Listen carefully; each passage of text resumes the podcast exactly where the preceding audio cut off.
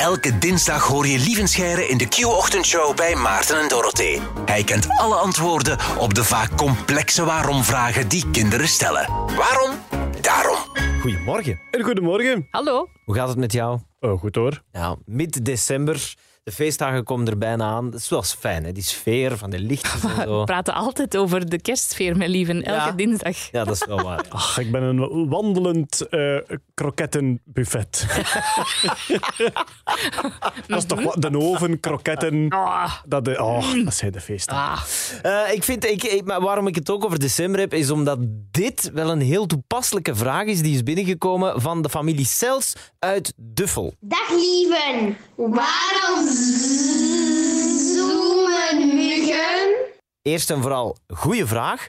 Maar ten tweede, ook een rare vraag mid-december. Alhoewel, die muggen die zijn er precies het hele jaar door tegenwoordig. Hè? Ja, de, de, de muggen zijn lang blijven hangen dit jaar. Normaal zijn ze nu toch allemaal dood. Ja, voilà. Ja, En toch kom ik er nog altijd tegen.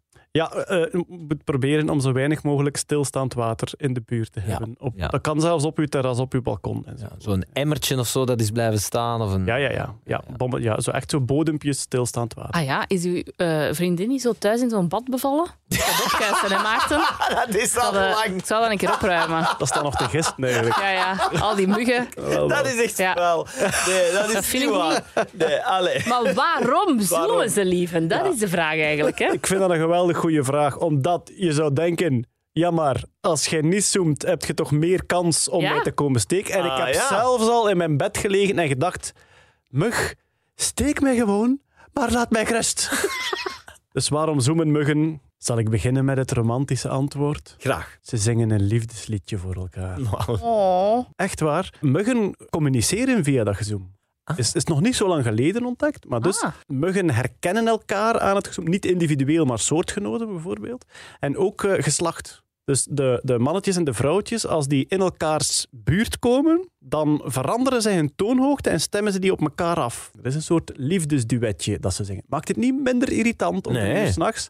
Nu, het hele simpele antwoord is, ja, het gezoem wordt gemaakt door de vleugels. Net zoals een gitaarsnaar trilt, trillen dus die vleugels en dat maakt dan een heel specifiek geluid. Maar ze hebben daar een beetje speling in. Ze kunnen echt muziek maken. Ze kunnen verhogen en verlagen en dat doen ze dus als ze een soortgenoot van het andere geslacht horen.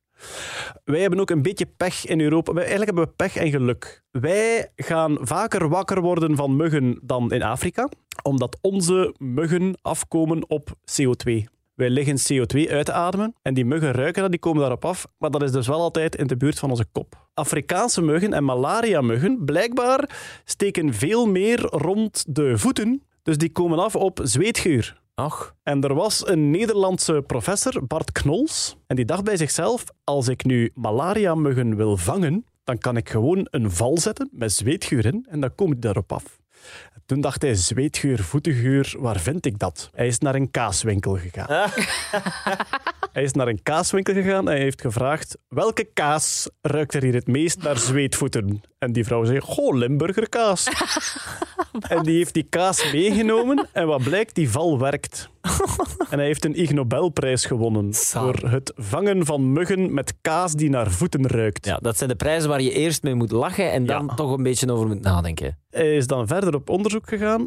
Vroeger werd zo, ja, zo de vaste kaas van het vocht werd, eh, van elkaar gescheiden door dan in een linnen zak te stoppen en daarop te stappen. Ach, En hoogstwaarschijnlijk zijn er dus effectief verwante bacteriën van de voeten toen in die kaas terechtgekomen. En diezelfde ehm, gistculturen worden nog altijd Oh. gebruikt. Dus het feit dat Limburger kaas naar voeten ruikt, zou echt kunnen komen van Van? de voeten van de vroegere kaasmaker. Oei. van dus de mensen die nu al lang gestorven zijn, Ja, ja. dus de oude kaas, die hun zweetvoeten ruik je dus eigenlijk nog steeds in Ja, die kaas. Ja, dus de bacteriën die die geur maken, die zijn van de voeten in de kaas. Het is een theorie, hè, zijn van de Ja, voeten ja. in de kaas terechtgekomen. En de nakomelingen van de nakomelingen van de nakomelingen enzovoort, enzovoort, enzovoort, die zitten nu nog altijd in die kaas en die maken nog altijd zweetvoetgeur. eigenlijk. Maar is het nu geen evolutionair nadeel dat muggen zoveel lawaai maken? Want we kloppen ze toch dood?